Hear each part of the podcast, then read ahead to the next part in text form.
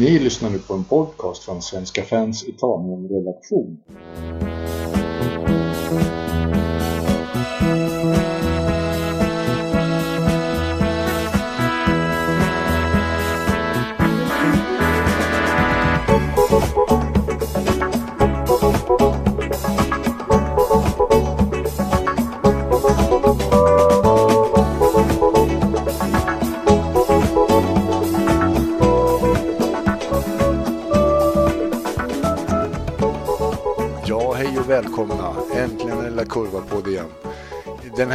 Kommer vi köra en liten special. Vi ska nämligen köra en eh, La Curva Big Match som vi kallar det. Vi ska analysera Barcelona-Juventus som spelas på onsdag. Och eh, till hjälp till det så har jag tagit in Emily Ottosson från Barcelona-redaktionen och eh, Semak Emam från Juventus-redaktionen. Välkomna! Jag är lite nyfiken på era personliga känslor för matchen. Emily, hur kändes det direkt så här efter förlusten? Ja, det var ju en enorm besvikelse såklart efter matchen. Eh, och det var ju dels förlusten i sig var ju en jättestor besvikelse, men det är ju framför allt sättet vi förlorar på. Eh, att eh, första halvlek framför allt då är typ en repris av matchen borta mot PSG. Eh, och man kunde ju tro att vi skulle ha lärt oss någonting från den matchen, eh, vilket vi uppenbarligen inte har gjort. För det, det, jag tycker att det är helt oförståeligt att vi gick ut på plan med en sån himla dålig inställning igen. Ja. Hur såg det ut för dig då, eh, Semak, direkt efter matchen? Den spontana känslan direkt efter 3-0-vinsten? Jo, jag var ju självklart väldigt glad efter matchen naturligtvis. Jag trodde, jag trodde inte faktiskt vi skulle vinna eh, med 3-0 över Barcelona. Jag trodde att Barcelona hade sen PSG-matchen lärt sig lite den där att det kan gå illa för även Barcelona. Så jag var ju väldigt glad. Både den taktiskt hur vi utförde matchen och eh, framförallt eh, hur spelarna agerade på planen. Det var verkligen alla elva krigade och alla elva sprang, eh, förutom Buffon då såklart. Men de resterande utespelarna jobbade kopiöst och eh, jag tycker att det var fantastisk match av, från Juventus sida i alla fall. Och ja, det var ju, jag var väldigt glad efter matchen. Så här efteråt då, Emily, vad, nu har det gått några dagar. Hur känns det nu? Ja, alltså nu känns det väl okej, okay, eller jag vet inte riktigt vad man ska säga. Det, det är ju som det är. Eh, vi har ett extremt svårt utgångsläge på onsdag. Eh, men samtidigt så har man ju också vändningen mot PSG rätt så färskt i minnet. Eh, så, att, så att hoppet finns ju. Eh, och ja, vi kan göra tre mål hemma mot Juventus. Det är klart att det går. Eh, men eh, å andra sidan så tror jag inte att Juventus har förlorat en enda match i Champions League den här säsongen. Eh, och jag tror på nio matcher har man bara släppt in två mål, vilket ju känns rätt så sjukt faktiskt. så att vi då skulle göra tre i en och samma match, ja, det känns ju ganska osannolikt. Men eh, har vi en bra dag så kan det ju hända. Ja, hur ser det ut, Semak? Är, är det så? Har Barcelona inte förlorat en match? Hur ser statistiken ut där för dem? Nej, alltså vår statistik mot Barcelona tänker du på, eller? Ja, nej, generellt för Juventus. Generellt. Nej, alltså vi har ju, som Emelie in på, riktigt bra utgångsläge. Vi har till och med eh, sedan 2003 vad jag minns när vi vann till och med mot Barcelona på bortaplan. Men, eh, men eh, så uh, det är ju som Emelie var inne på, vi har bara släppt in två mål faktiskt på den här Champions säsongen och visst Barcelona vände eh, och gjorde en mirakelinsats mot PSG men eh, med Juventus backlinje så, så, och den stabiliteten vi har i laget just nu så eh, känner jag mig faktiskt relativt lugn inför returen på onsdag. Och eh, det mesta talar på oss, både statistikmässigt och rent taktiskt så talar mycket för att vi ska nå semifinalen. Men, men man ska också säga det, det är ju Barcelona vi pratar om. Det är helt klart av världens bästa lag. Och när de får sitt riktigt, riktigt eleganta anfallsspel att fungera och framförallt mittfältet att fungera så kan ju precis vad som helst hända. Vi har tre magiker där framme. Vi har Iniesta. Alltså om han är i sin bästa dag så är han enligt mig eh, en av de mest överlägsna spelarna någonsin. Och eh, så att eh, det som Emily är inne på, självklart eh, ska vi inte vara alltför trygga gör Barca två mål första halvlek, nu bara ta ett exempel här, så kommer ju definitivt vara väldigt nervös under andra halvlek. Uh, och ja, nej men det är ju som sagt, vi, vi möter Barcelona, vi möter inte något annat lag så att det känns ju såklart lite nervöst men ja, så det, gör vi ett mål så måste Barcelona göra fem så att det känns ju fortfarande som det är ganska, ganska tryggt ändå får jag faktiskt säga. Mm. Men Emily, han har ju hyllat här nu Barcelonas mittfältsspel och känns det så i år att det är en styrka i Barcelona eller? Nej, alltså det kan jag inte påstå. Eh, alltså just mittfältet är, har ju varit katastrofalt, eh, inte bara den här säsongen utan alltså, i flera, flera år skulle jag vilja säga. Eller framförallt kanske sen Luis Enrique tog över som, som tränare. Eh, med undantag från kanske den första säsongen när det till och från såg väl hyfsat ut. Eh, men eh, nej, alltså jag tror att ska 2-0 i först, alltså två mål i första halvlek från vår sida så mm, då har vi en chans. Eh, men jag tror tyvärr inte att det kommer räcka om vi bara gör ett mål i första. Men om vi går tillbaka till matchen igen. Alltså vad, vad tycker, Emily, vad tycker du var avgörande att, inte, att det blev 3-0 till Juventus? Um, alltså egentligen är det väl att, att vi, att vi kom, åker till liksom, Turin, ställer upp med någon sorts Eh, 3-4-3 slash 4-3-3 eh, uppställning där eh, vi lämnar väldigt stora ytor till Juventus på egen planhalva är väl ett misstag kanske som Luis Enrique fått ta på sig. Även om han nu efter matchen har sagt att han eh, eh inte tycker att han gjorde några fel överhuvudtaget. Vilket är lite konstigt. Eftersom han förlorar med 3-0 liksom. Men eh, det är ju också det att Juventus pressar otroligt bra inledningsvis och eh, får till två mål eh, tidigt på egentligen alltså individuella misstag från Barcelona. Eller inte individuella, men alltså kollektiva misstag. Eh, det är bara att kolla liksom hur Dybala får... Han tar emot bollen. Ingen liksom går på, ingen försöker liksom täcka den ytan som han har. Han står stilla, vänder upp, skjuter och gör mål. Alltså det ska liksom bara inte få hända. Ja, han har en hel meter i mm. omkrets helt eh, för sig själv. Är det signifikativt för Barcelona den här säsongen? Eller, eller? Ja, kanske. Och kanske inte bara den här säsongen. Alltså försvarsspelet är ju en av Barcelonas eh, svagheter och har väl egentligen alltid varit det. Eh, men just i den här matchen så, så var det väl eh, väldigt dåligt och väldigt så här, lojt och tamt försvarsspel. Ja, håller du med ja. Semak? Är det, är det samma sak? Eh, var det det som var avgörande, tycker du, att Juventus kunde gå segrande? Barcelonas försvarsspel? Jo, dels det och dels att det känns som att Barcelonas eh, mittfält och försvar var helt dåligt förankrade till varandra. Det var ju väldigt mycket ytor mellan mittfältet och försvarsspelet under hela matchen kändes som. Dybala fick väldigt mycket ändå ytor som Emily var inne på och eh, ja, alltså jag menar att spela med Matteo, visst, eh, trebackslinje, det var lite, tycker jag, efterhand så kanske det var inte det klokaste valet som Barcelona kunde gjort borta mot Juventus när vi är så himla hemmastarka.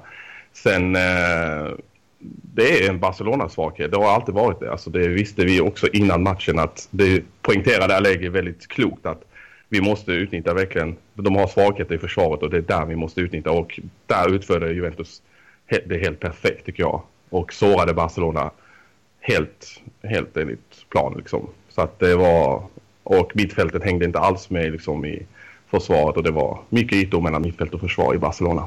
Tyckte jag i alla fall. Ja. Något annat Semak, det är något moment i matchen som du kunde varit avgörande? Ja, alltså om jag minns nu matchen så Buffons räddning på Buffons räddning på eh, uh, Iniesta som och så efteråt gjorde ju Dybala mål. Så där var det ju ett riktigt sånt där moment som kunde ha slutat helt annorlunda för vår sida. Hade Iniestas suttit den chansen som den Messis fina passning så hade kanske utgångsläget sett lite annorlunda ut. För då hade kanske Barcelona fått i hopp och eh, kunnat kanske till och med störa Juventus ännu mer. Men eh, jag tror att där var det verkligen som moment som uh, avgjorde. Och där, efteråt kändes, kändes det tungt för Barcelona att ens hitta uh, några vassa målchanser. Och sen kom ju punkteringen när Chiellini gjorde 3-0 i andra halvlek. Och där var det... Ja. Ja. Kändes det så, Emily, att det var där Iniestas chans som eh, brändes? Mm, definitivt. Alltså det kändes som att där, där, det var väl kanske det mest avgörande för hur matchen sen utvecklades, tänker jag. Att det var, eh, hade det blivit 1-1 där så hade det nog varit, då hade vi fått se en helt annan match såklart. Men Buffon räddar och sen verkligen precis, alltså anfallet efter, sekvensen efter, blir det 2-0. Så ja, psykologiskt eh, jobbigt för oss. Ja, för du, och sen fick ju Chiellini fick ju bollen på handen också så det kunde blivit straffspark. Den tog på bröstet sen upp på armen. Mm. Men när jag var med mig rätt så skrev du att du tyckte inte det var straff. Nej, alltså jag tycker inte det. Den tar liksom, alltså visst, det hade väl varit okej om domaren hade dömt straff, men jag tycker inte att det är någonting som, eh, som man ska fokusera någonting på, för, för det känns som, nej, den tar det på bröstet, upp på handen, vad ska han göra liksom? Ja. Hade du reagerat likadant Semak ifall det var Barcelona-spelare som hade fått den så? Mm, ja, alltså definitivt. Jag tycker inte det var straff. Och hade det varit omvänd situation så hade jag inte heller velat att det skulle bli liksom, straff till Juventus så att säga. Så att det tog på huvudet om jag minns och så kom det upp. Och, alltså det är väldigt svårt för domaren att se det direkt. Och det var ingen Barca-spelare förutom kanske möjligtvis Suarez som reagerade någorlunda för hans. Så att det var ju... Alltså det, är väl, det går så snabbt där och jag tycker ingen i Barca-supporten kan tycka att det borde vara ett straff där. För att det var liksom inte så att det kom ju verkligen, alltså det var huvud och så kom det snabbt upp på hans arm när han skulle täcka. Så att, nej. Nej, det var inte många protester heller vad jag såg direkt efter den. Nej, jag tycker domaren gjorde rätt alltså, som, som släppte det. Det tycker jag. För att hade det hänt i, i andra änden så kan jag säga att jag hade varit galen om det hade blivit straff mot oss i en sån situation. Ja, ja. Eh, och därför tycker jag inte, liksom, nej, jag tycker inte man kan, kan säga att det ska vara straff eh, oavsett vilken ände det händer. Han hade bra känsla där domaren. Ja. ja. Men eh, annars i helgen nu då? Nu har du ju spelat mot Eh, ja, Barcelona hade ju en liten tuff match mot Real Sociedad. Ledning och sen tapp lite grann där va? Ja, precis. Det, det darrade ju. Försvarsspelet var ju helt alltså, katastrofalt, verkligen.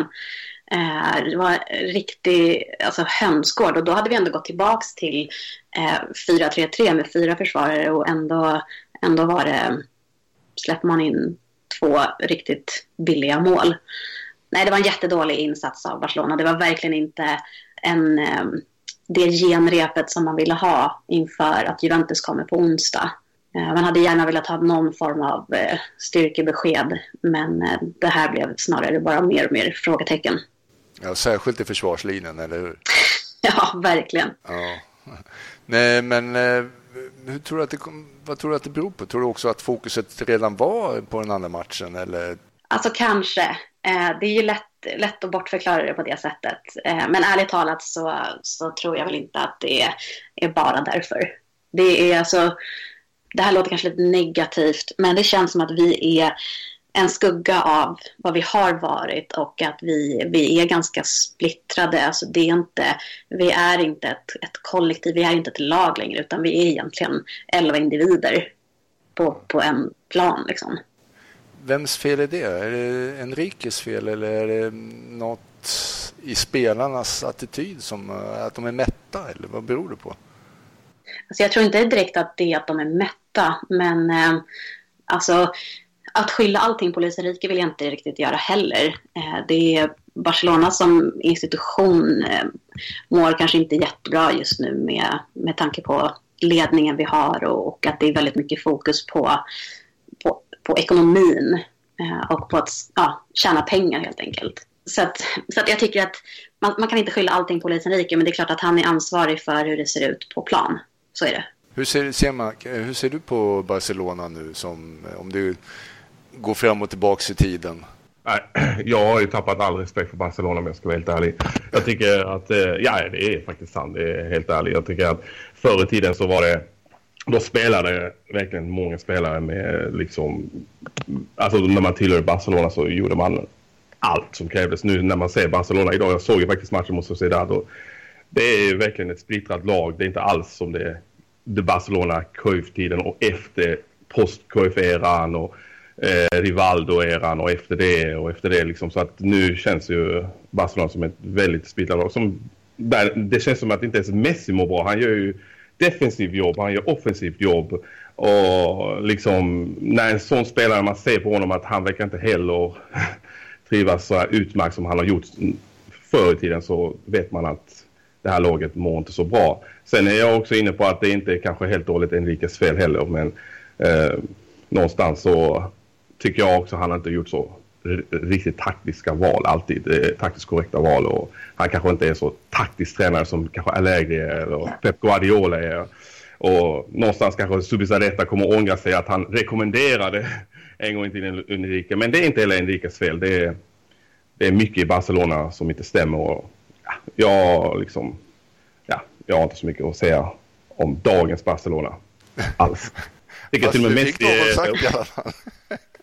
Ja, jag fick ju något sagt av lite halvilska. Jag tycker när man ser på matchen också. De, de, det är mycket sådär, det är inte regn i Barcelona. Det är, jag menar, Mandzukic ligger ner, de spelar fortfarande ut bollen. Messi beter sig illa stundtals, det har man aldrig sett honom göra. Så att, äh, det är... Jag har alltid hatat Real, jag har alltid hatat Barcelona. Jag har haft lite mer respekt för Barca, men nu, nej. Det, det finns ingen man kan ha respekt för i det laget. Faktiskt. Ja, Emelie, det blir en ordentlig salva här. eh, ja. bara, bara gå in. Eh, Enrique, skillnaden Enrique och Guardiola, vad, vad ser du där? Alltså Guardiola har ju, han hade ju en, en typ eh, manisk tro på en, eh, en idé om att spela på ett visst sätt. Eh, det fanns liksom inget alternativ. Det skulle vara trianglar, det skulle vara eh, bollinnehav, det skulle vara eh, passningar, det skulle vara liksom... Han sökte ju efter någon sorts perfektion. Ja. Och eh, Luis Enrique gör ju inte riktigt det på samma sätt tycker jag. Eh, och det här är kanske en ganska opopulär åsikt nu men eh, vår anfallstrio alltså är ju såklart fantastisk. Men det känns som att Eh, det blir liksom laget, eller om man säger så här, kollektivet Barcelona som får stå lite tillbaka för att Messi, Neymar och Suarez ska ha den här friheten och få göra lite vad de vill. Och att det är liksom alldeles för... Det är lite för uppdelat. Man spelar inte längre för varandra utan man spelar för anfallstrion. Men känner du att de hade, de hade inte samma frihet under Guardiola utan det var med hela laget? Nu är det tridenten där uppe som gäller. Är det så?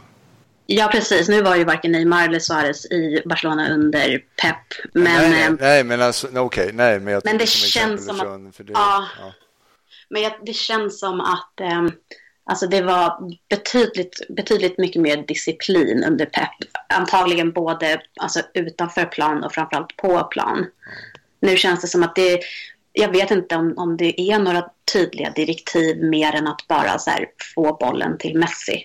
Eller de tre längst fram. Ja, men exakt. Mm. Någon, någon, av de tre längst fram. Mm. Eh, och lite grann så som det var under eh, Reikards sista säsong. Mm. När han var så här, okej okay, men få bollen till, till Ronaldinho så hoppas vi att det löser sig. Ja. Lite så var känslan den säsongen och det känns som att det är lite samma sätt eh, nu, fast då med Messi istället. Framförallt, även Neymar och Suarez, men framförallt med Messi. Jag tänkte på din syn på Juventus då, Emily. Har du någon eh Ja, alltså jag måste säga att eh, nu känns det ju här när, när eh, vi har fått värsta dissen här av CMAX så måste jag ändå säga att jag har faktiskt ganska stor respekt för Juventus. Och eh, tycker väl att eh, jag skulle definitivt unna Juventus en Champions League-final och absolut att vinna Champions League. Och ärligt talat så av de lagen som fanns kvar vid lottningen så jag, jag, tror att det var Real Madrid, Bayern München och Juventus som var kvar då när, mm, som kunde lottas mot oss. Eh, och då kände jag definitivt att är det något lag som jag skulle kunna tänka mig att åka ut mot så är det av de lagen så är det Juventus. Eh, så att jag, har, nej, jag har respekt för Juventus. Min brorsa hejar på Juventus och sådär så det kanske har med det att göra. Men, eh, ja, ni är inte osams? Vi är inte osams. Han skickade lite dryga sms bara efter matchen. Men sånt får man leva med. Semak, det är Pescara. Det är Pescara. Ja, eh, sömnig match. Sömnig tillställning, ja. Ehm, ja, vi gör ju som sagt jobbet i ärlighetens namn så, som jag nämnde innan, jag sov lite under andra halvlek. Jag var så himla trött. Så det var verkligen sömnpiller. Det var en match som skulle bara vinnas. Sen kan jag tycka lite att varför spelar man typ Dybala hela matchen när han, och nu är han ju kanske inte helt återställd till returen mot Barcelona. Inte för att han kanske kommer vara den mest avgörande spelaren tror jag på bortaplan. Där tror jag Mandzukic kommer vara ännu mer avgörande. Men, men eh, ja, det var väl, det var väl Higuain och Quadrado som utmärkte sig under den matchen. Sen ska jag faktiskt lyfta fram eh, Rugani, vår mittback. Det är lyx att ha en sån mittback på bänken alltså. Eh, till skillnad från när vi pratade om försvarsspel i Barcelona. Barcelona hade behövt verkligen sådana eh, general, eller håller på att bli en nästan general. Han är så pass ung men han gör en fantastisk insats. Och han går ändå in 100% fastän de möter Pescara på borta. Eh, så att eh, jag är så glad att vi har eh, så himla bra ersättare till Chiellini, Bonucci, även Barzagli i viss mån som nu håller på att bli gammal med åren. Så att eh, vi har verkligen hittat försvarsbas att bygga vårt försvarsspel på där vi varit så himla kända genom åren. Så att det var verkligen positivt under den matchen att man kunde se Ugani verkligen träda fram och göra nästan i princip en fläckfri insats. Ehm, ja. Ja, han vill var... bygga på det verkligen. Verkligen, är en framtid för Juventus. Ja. och som ja. vanligt gjorde Higuain mål mot eh, skitlagen. Då Fietta. Ja visst. Eh, och firade Bueno Pascal där. Uh, jo, jo, jo, Higuain är ju... Alla känd för att kanske uh, sumpa bort sina chanser i de stora matcherna. Men mot skitlagen, där är han i alla fall. Och sätta in, men han behövs ju. Du vet, han behövs. Han var ju även nära direkt att göra mål mot Barca. Han fick en nick eh, tyvärr rakt på till stegen. Men han, han är bra. Alltså, han behövs verkligen. Och han har kostat oss väldigt mycket pengar. Jag tycker personligen att det var väldigt överpris vi fick betala för Higuain. Men sen är ADP kanske inte så jättevän med Juventus ledning heller. Eh, men eh, ja, Higuain, där igen, ja. mål igen. Ja, mål igen. Inga konstigheter. Nej. Inga konstigheter. Men jag tänkte på det vi snackade om det innan, något, så här, något som stack ut under matchen. Både negativt och positivt. Positivt har för min del Mandzukic Emily, var du också, reagerade du på det Mandzukic? Eh, du kanske till och med vill ha en utvisad? Eh, ja, det vill jag faktiskt. Ingen straff eh, där eh, på, på Hansen tycker jag. Men utvisningen, ja, jo, jag tycker att han borde ha åkt ut. Ja, det, det var, det var ju faktiskt två gula kort på han där egentligen. Men han, om man bortser från det så gjorde han ju faktiskt en väldigt bra match. Eller hur ser man? Det är ingen idé att fråga Emelie. Nej.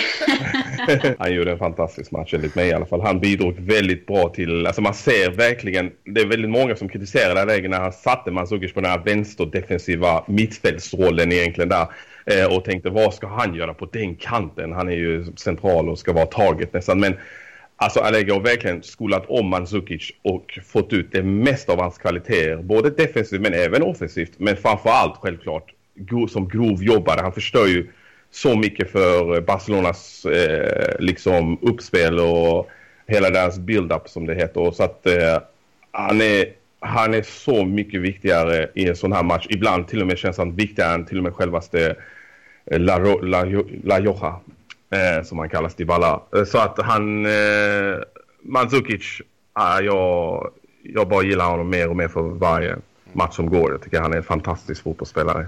Kommer han vara en av nyckelgubbarna på onsdag? Ja. Ja. Är det något annat du känner någon nyckelmoment som du tycker ska lyftas fram på onsdag för att Juventus ska kunna behålla 3-0? Jo, alltså det måste fortfarande vara fullt fokus. Även om vi har pratat om att kanske Barcelonas mittfält inte är som det har varit och hela Barcelona med min diss innan och allting. Men det är fortfarande ett lag som är, kan verkligen, om det är någon som kan vända så tror jag Barca kan. Men det, nyckelmatchen kommer vara att eh, inte släppa in mål under första halvlek. Framförallt inte om vi har pratat om kanske om gör Barca typ 2-0 första halvlek så kan allt hända. Men kan Juventus spela samma försvarsspel som man gjorde första matchen så, så och inte sjunka allt för lågt ner för då kommer man verkligen bjuda Barca på onödiga målchanser. Men det kommer nog vara nyckeln att hålla tätt eh, under första halvlek. Sen kommer Barcelona bli väldigt stressade under halvlek och då kan vi faktiskt få en kontringsmål. Och då kommer matchen i princip vara över. Men hur, det gäller ju det där som du sa, att inte backa ner för långt ner. Mm. Eh, balansen, hur, hur ska de klara det? Om att inte det gäller... det. Vad, är, vad är nyckeln till det? Eh, framförallt gäller det inte att mittfältet sjunker så lågt ner. Eh, för vi har fortfarande Pjanic och Khedira. De är i och för sig sittande men att de hjälper till defensivt men att eh, man inte alltså, går ner med typ 11 man och försvarar som Mourinho och Chelsea gjorde en gång mot, var det mot Barca? Jag tror de gjorde det när, de, när till och med Drogba var, var vänsterback eller något sånt.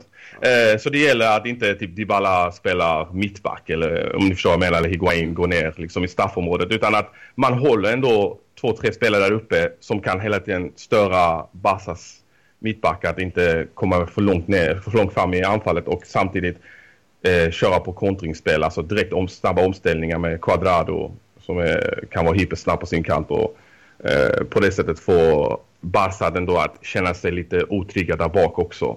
Så det gäller helt enkelt för mittfältet och framför anfallarna att inte liksom, försvara med 11 man för det tror jag inte kommer att hålla. Ja. Är taktiskt då? Vad tycker du? Ska de, köra, ska de fortsätta med fyrbackslinjen och, eller ska de gå på en 3-5-2 liknande? Aldrig. Aldrig. Alltså det är 4-2-3-1 som gäller. Utan tvekan. Alltså den har fungerat perfekt. Sen när bytte från 3-5-2 till 4-2-3-1 så har vårt spel alltså kommit till en helt annan dimension tycker jag. Eh, så att definitivt ska han hålla sig kvar till 4-2-3-1. Och absolut inte köra trebackslinje mot eh, eh, Barcelona eller högt backlinje som Roma gjorde. För då åker man på sådär femmåls torsk eller någonting sånt direkt. För att det är fortfarande Barcelona vi pratar om. Det är en av, ett av världens absolut bästa offensiva lag. Ja.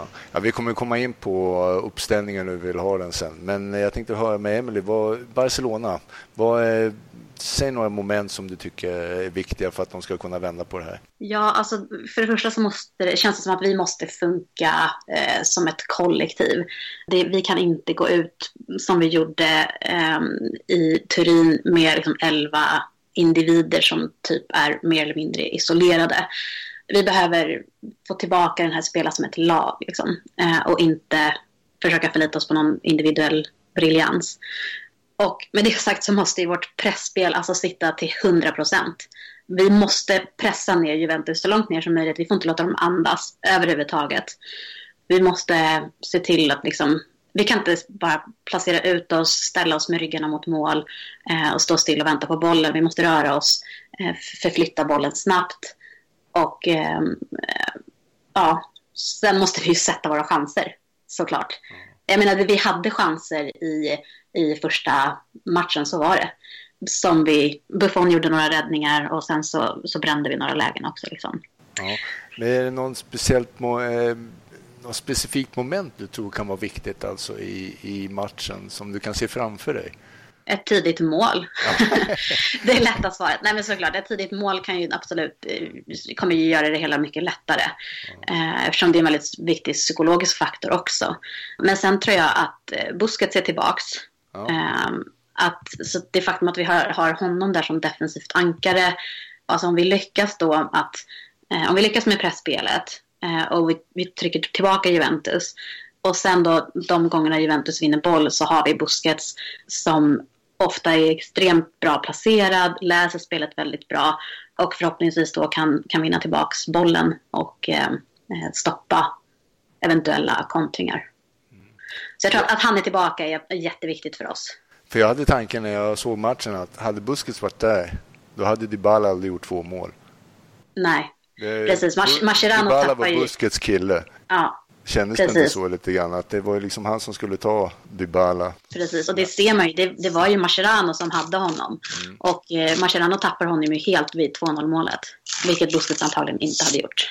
Eh, men det är lätt att, att sitta och säga så här i efterhand. Precis. Jag känner Semak, eh, Busquets tillbaks? Jo, Busquets tar ju den här väldigt viktiga ytan va, som eh, Dybala älskar att härja på där mellan mittfält och anfallare och så. Och Dybala trivs ju så utmärkt när han får fritt spelrum mellan eh, mittfält och anfall och det fick han ju tydligt eh, liksom första matchen och hade, det är jag helt också med på. Hade Busquets spelat och inte varit avstängd första matchen så hade ju definitivt kanske inte typ Dybala fått de utrymmena och det kändes som hela Barcelonas mittfält var så långt ifrån försvaret och det fanns ingen ankare riktigt, eller om man säger som länk mellan mittfält och försvar. Och eh, den ytan är så livsfarlig att släppa, speciellt när man möter en sån spelare som Dybala med sån teknik och ganska bra avslut. Jo, hade busket spelat så... Alltså nu, det är så svårt att säga om Dybala inte hade gjort mål ändå. För att jag menar, det var ju, första målet var ju helt klart enligt mig... Nu tappade jag bort namnet, vad heter han?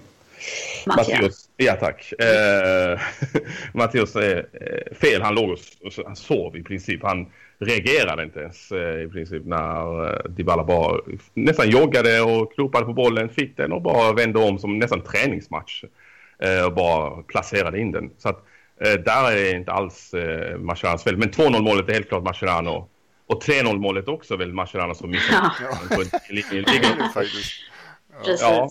Jag glömde Så bort det är Mascherano.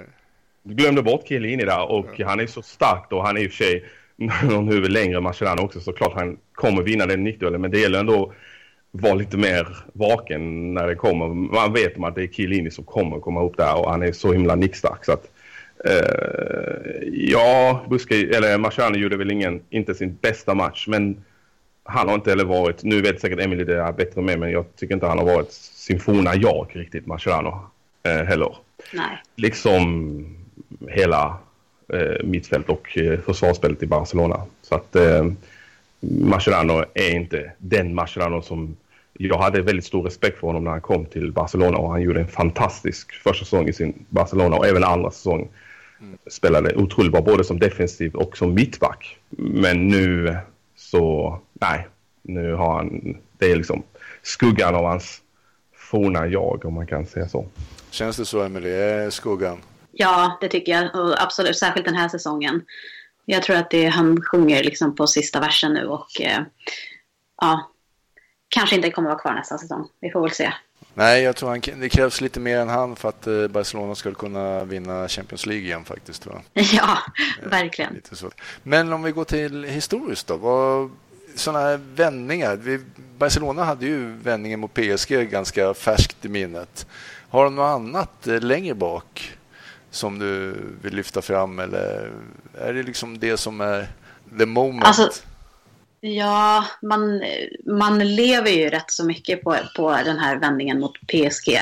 Eh, som ju var... Alltså ärligt talat ska jag säga att jag trodde att det kunde bli 4-0 inför. Jag trodde att det kunde bli 4-0 och att vi kunde gå vidare på typ straffar. Men 6-1, nej, jag trodde aldrig att det skulle hända. Och så gjorde det det, det var ju fantastiskt. Eh, men samtidigt är det ju lite jobbigt för att man får det här hoppet om att det skulle kunna vända mot Juventus och eh, med all respekt för PSG så är ju inte Juventus PSG och jag tror absolut inte att Juventus kommer spela så naivt, falla så lågt eh, som PSG gjorde. Så, men nej, alltså vändningar så här på rak arm så, så eh, det är ingenting som jag kan komma ihåg. Nej, Det är inget som kommer upp så här omedelbart utan det, du lever fortfarande på PSG så länge. Ja, så är det ju. Absolut. Och jag menar sen visst, det här alltså mot Chelsea, eh, Iniestas mål där i typ 93. Det kanske inte kan räknas som en vändning, men det var ju samtidigt eh, eh, det har man levt på fram tills nu, Ja. kan man väl säga. It's a disgrace. It's a disgrace. Ja. Så, så Drogba inför kameran där efter Iniestas mål i mer än 94. Vilket år var det där? Ja, Det vet jag. 2009. 2009, ja, Mm. Ja, precis. det, det är ett tag sedan. 2009 det var då Drogba kan man säga fick lite hatkänslor för Barcelona tror jag. Ja. Och Juve Men- då? Har de eh, men- sett något stort? Jag minns när jag var här i det här huset 2003 var det. Eh, I mina unga dagar. nu när man är så pass gammal. Nej men då var det ju eh, Birindelli som gjorde det inlägget i 114 minuten och vände mot Barcelona. Zabaleta gjorde eller breddade in eh, 2-1 till eh, Juve och vände mot Barcelona och eh, gick vidare till semifinal. Så det sitter färskt fortfarande i näthinnan där för att det var ju så pass sjuk match. Det var utvisning på Juventus minns jag och Barcelona typ pressade Juve hela vägen. Det var då Patrik Andersson spelade faktiskt i Barcelona. Bara en sån sak. Ja, måste- Ja.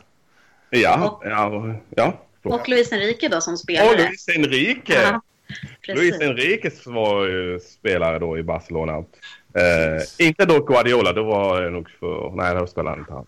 Men, eh, men Enrique spelade i Barca, Patrik Andersson och Puyol och Ja, då, då gjorde ju uh, Juventus en mirakelvändning eller vad man ska säga. Ingen trodde ju riktigt på att Juventus skulle klara det för det blev 1-1 i första matchen och sen Eh, fick de till och med en man utvisad. Jag tror det var Davids eller vem som åkte ut och sen så, ja, så blev det tilläggstid 1-1 och sen 114 minuten skrek jag av jag har aldrig varit så glad i hela mitt liv nästan. Nej, men det var verkligen sån där lycka som man inte glömmer när Zabaleta gjorde 2-1 till Juve. Olycka då? Ja, men om vi går åt andra hållet. Nu, de har ju en 3-0-ledning. Finns det någon motsvarighet ifall de skulle tappa det här? Eller är det liksom, kommer det vara en historisk platt match ifall de inte går vidare? Eh, Juventus alltså? Ja. Ja, ja förlåt. Jag var... Just det. Jo, självklart. Det kommer eh, absolut att vara eh, besvikelse som inte går vidare nu när vi har spelat så stabilt. Och jag är så glad att Emily nämnde det där innan att det känns som att Juventus, det är nu vi kan vinna Champions League och för Buffons skull och för hela lagets skull så tycker jag det känns helt rätt i linje att vi vinner faktiskt Champions League i år. Nu kanske det där låter jättepartiskt men jag försöker bara säga det jätteobjektivt och jag tycker att Juventus så som de har utfört hela säsongen och i Champions League-säsongen så har de spelat så hyperstabilt. Så att det skulle vara en väldigt stor besvikelse även om det är Barcelona vi möter nu som eh, liksom, som sagt eh, riktigt bra lag så kommer det kännas som en väldigt stor besvikelse om vi inte klarar av 3 överläget och liksom gör en PSG-match eller liknande scenario där Barcelona kanske gör 4-5 mål. Men alltså, jag har så svårt att föreställa mig att Barca kan ens göra tre mål mot detta Juventus. Jag vet inte, det är fortfarande, vi pratar om MSN men inte ens de tror jag kan kan vända på steken. Tyvärr, Emily. Jag tror att Barcelona kommer få att åka ur Champions League-kvartsfinalen. Emily, kan du se matchen eh, avslappnat nu? Att eh, du har ingenting att förlora? Eller har du ändå någonting att förlora? Nej, det är klart. Eh, det finns ju ingenting att förlora. Absolut inte. Det är ju bara att gå för, för att göra tre mål. Eller ja, helst fyra då. Två i första och två i andra. Ja. hade varit fint. Men... Eh, Nej, det är klart jag kommer vara supernervös. Alltså. Det kommer inte vara, det kommer vara en jobbig kväll. Vilket fall som helst. Åtta anfallare har Enrique sagt. Såg på Twitter innan. Han ska köra med åtta anfallare. Mm. Vi får väl se. Vi får se, precis. Men, och grejen är att är det rätt väg att gå då? Jag vet inte. Alltså... Men han måste ju ta risker om man nu pratar om, när vi varit inne på Enrique, alltså nu är det hans chans. Alltså vinner han den här så kommer Alltså alla vill att han kommer att förlänga sitt kontrakt. Nu har han själv sagt att 30 juni kommer han, då går han väl hans kontrakt ut. Mm. Att då kommer han inte, han har väl sagt det i mars att han inte kommer fortsätta väl. Men nu om han nu säger vi lyckas med det omöjliga och han har sagt i presskonferensen att vi kommer liksom ta alla risker som finns. Klarar han av detta så kommer jag själv stå upp och applådera för Enrique för då är det väldigt modigt och grymt om han klarar att eh, vända mot både PSG och Juventus. Mm. Jo, absolut. Så är det. Och eh, någonting som faktiskt är lite kul är ju också att i helgen nu mot Real Sociedad så eh, spelade ju Paco Alcácer för första gången på jättelänge. Han har ju knappt fått ja. spela någonting den här säsongen. Eh, och dessutom gjorde mål. Eh, och stod faktiskt för en riktigt bra insats. Eh, så, så det är möjligt att vi kör liksom MSN Alcácer, att han får starta också. Ja. Så så det, det, det kom ju lägligt i alla fall. Um, att Paco känns som att han uh, har hyfsad form. Så det var en liten strimma i den eh, Real Sociedad-matchen ändå? Ja, ja, det skulle jag säga. Absolut. Ja, positivt, inför, eh, positivt inför också, när jag såg den Sociedad-matchen också, jag tänkte det här är ändå bra när Alcacer gör en sån bra match inför El Clasico. För då kommer ju definitivt han starta så Neymar kommer vara avstängd. Och mm. jag tycker faktiskt, jag ska vara ärlig, jag tycker nästan att det såg bättre ut utan hela den MSN där framme när Alcacer spelade. För han känns mer som en, alltså Neymar i all ära, han är liksom toppsnitt i hela Europa nästan i princip. Men, men, men, men när man såg hur Alcacer kämpade och sprang kopiöst under, alltså, visst var det Messi som hade nästan hela showen men men eh, han gör mål och det bäddar gott inför returen. Där kanske, eller förlåt, El Clasico, där kanske inte Barca kommer sakna Neymar allt för mycket. Och jag hoppas faktiskt, Emily, att ni, ni tar Real Madrid. Ja, tack. Även om, vi, även om vi vänder mot er och slår ut er. Nej, då, då, då jävlar så, Då kommer jag skriva något sånt där arg status och twittra åt helvete med Barcelona. Nej, nej, men jag, mellan de två så har jag alltid faktiskt haft eh, mer respekt för Barca. Så att eh, jag hoppas eh, ni, för ligans spänning också såklart. Men, Ja. men, men även, även, även, eh, jag hoppas ni förlorar mot oss men att ni all lycka till er i El Clasico för det är också en viktig match och eh, det kan påverka också Barca. Jag tror i och för sig inte så mycket men det kan sitta någonstans i huvudet att det stundar ändå El Clasico efter Juventus direkt. Eh, jag vet inte, vad tycker du Emilia om det kan påverka? Jag vet inte fan, men ja. Jo, kan. jag tror, jag tror det. Alltså, jag hoppas ju att, att eh, spelarna kommer vara så pass professionella att man liksom fokuserar på Juventus nu. Men samtidigt, alltså, det är ju, känns det som att det är ju den ena finalen efter den andra för oss nu. Eh, och det är klart att det, spelarna vet ju om det. Det är ju en extrem press. Mm. Alltså verkligen extrem press. ehm, och ehm, ja, med tanke på hur pass avgörande det kan bli där på Bernabéu på söndag så ja, det, alltså, vi kan ju åka ur Champions League och förlora ligan inom loppet av typ tre dagar, fyra dagar. Det är inte Copa del Rey. Ja, vi har Copa del Rey kvar, sant. Ehm, men det är ju ändå en uh, petitess i sammanhanget, måste man ju faktiskt säga. Verkligen. Men om man går till eh, uppställningarna då på onsdag. Vad säger du, Emily? Vad, hur skulle du vilja se Enriques elva? Jag skulle nog vilja se en... Um, jag skulle nog vilja att vi kör 3-4-3. Uh, ehm, för att jag tror och hoppas att vi kommer ha ett så stort övertag mot Juventus att vi kommer liksom pressa ner dem och att vi då inte helt enkelt kommer behöva fyra backar. Men annars, alltså det är väl framförallt kanske mittfältet. Om, om nu Luis Enrique har sagt att han ska starta med åtta anfallare. Om vi Jag bortser, bortser från den åtta anfallaren utan bara kör, kör din känsla vad du skulle, hur, du skulle vilja se Barcelona manövrera ut Juventus. Ja, alltså Ter Stegen. Sen får det väl bli Mascherano, Piqué, Umtiti i trebackslinje. Och eh, som ett mittfält då med Sergio Roberto, eh, Busquets, Iniesta och sen Messi då lite eh, bakom, eller lite framför de tre. Eh, och sen de tre längst fram att vi då kanske kör eh, Paco Alcácer, Luis Suarez och Neymar. Det låter spännande. Ja, det är nog så jag skulle... Jag hoppas på att det blir en, en sån uppställning, men vi får se. Hur låter det för dig, Semak? Minst sagt oroväckande. Nej, men det är ju självklart det. Så det är ju... Jag håller med med det där. Det är nästan... De måste nästan köra. Alltså, alltså de har, det finns ingen anledning att köra defensivt eller normaluppställning. De måste köra full fart framåt. Barcelona måste få hål på Juventus direkt. För då kommer Juventus vara sårbara. Vi är lite... Alltså, man har ändå Allianz Arena-matchen färsk i minnet om ni minns. Eh, när, eh, när det såg väldigt bra ut men sen så tappade vi allt försvarsspel och Bayern gjorde fyra mål mot Juventus och då tyckte man också att Juventus hade jättebra försvarsspel och vi skulle aldrig släppa in fyra mål. Men det gjorde vi. Så att gör Barca mål eh, med den uppställningen som Emil har pratat om direkt, alltså då snackar jag om de tio första minuterna redan faktiskt. Då kommer faktiskt det bli väldigt mycket Alltså det kan bli liksom att, ja, Bonucci gör en tabbe. Chiellini kan faktiskt göra tabbar. Han gjorde det senast på Monaco förra säsongen då han halkade. Så att det finns moment då Barca måste utnyttja. Sen måste de sätta i princip de lägena de får. De kan inte missa så att de nu gör första matchen. Hur skulle du vilja sätta upp eh, Allegris elva? Ja, det får vi-. Nej, men det får bli som jag pratade om. Jag hoppas att han kommer hålla kvar sig vid eh, den här nya 4-2-3-1 som har fungerat både väldigt bra Serie A och Europa. Eh, med Buffon i mål, självklart. Han är ju given. Sen Dani Alves, som har sett lite så ut, men det kommer väl bli Dani Alves. Sen är det ju Bonucci Chiellini. Eh, Rugani all ära, men han kommer nog inte spela från start i den här matchen. Sen eh, tycker jag Alexandro gjorde en, också en jättebra insats i första matchen så att hellre honom än Asamoah.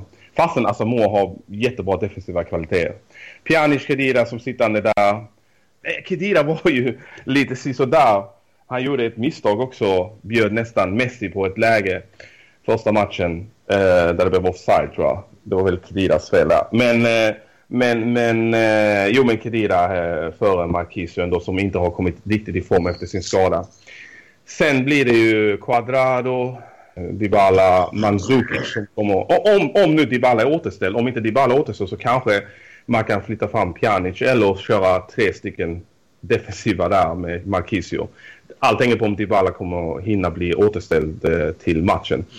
Men annars är det ju självklart Dybala som är given och sen Mandzukic som för mig eh, kommer nog vara en av de viktigaste spelarna och Higuain längst upp. Okej, men nu får ni ta det sista, absolut sista. Vad, hur slutar matchen? Emily, damen. Tack. Eh, alltså, jag skulle ju vilja säga att den slutar 3-0. Sen övertid och i 114 sätter vi 4-0. Oh. Déjà vu, déjà vu från 2003. Déjà vu från 2003. Semak? Det blir, eh, det blir 2-1 till Barca. Men Juventus går vidare. Jag tror faktiskt Barca kommer göra mål. Jag tror att det kommer vi få se. Alltså med den anstormningen som Barca har och de är ändå, det är trots allt på Camp Nou så Barca kommer göra mål. Det kommer dock inte räcka. Och jag tror Juventus till och med kommer få kontringsmål. Jag tror till och med Mandzukic kan sätta ett mål. Ja, vi får se. Vi får helt ja. enkelt avvakta och vänta till på onsdag. Jag får tacka er, Emily och Semak för den här trevliga pratstunden och eh, lycka till på onsdag. Ja, tack själv. Tack så mycket. Tack.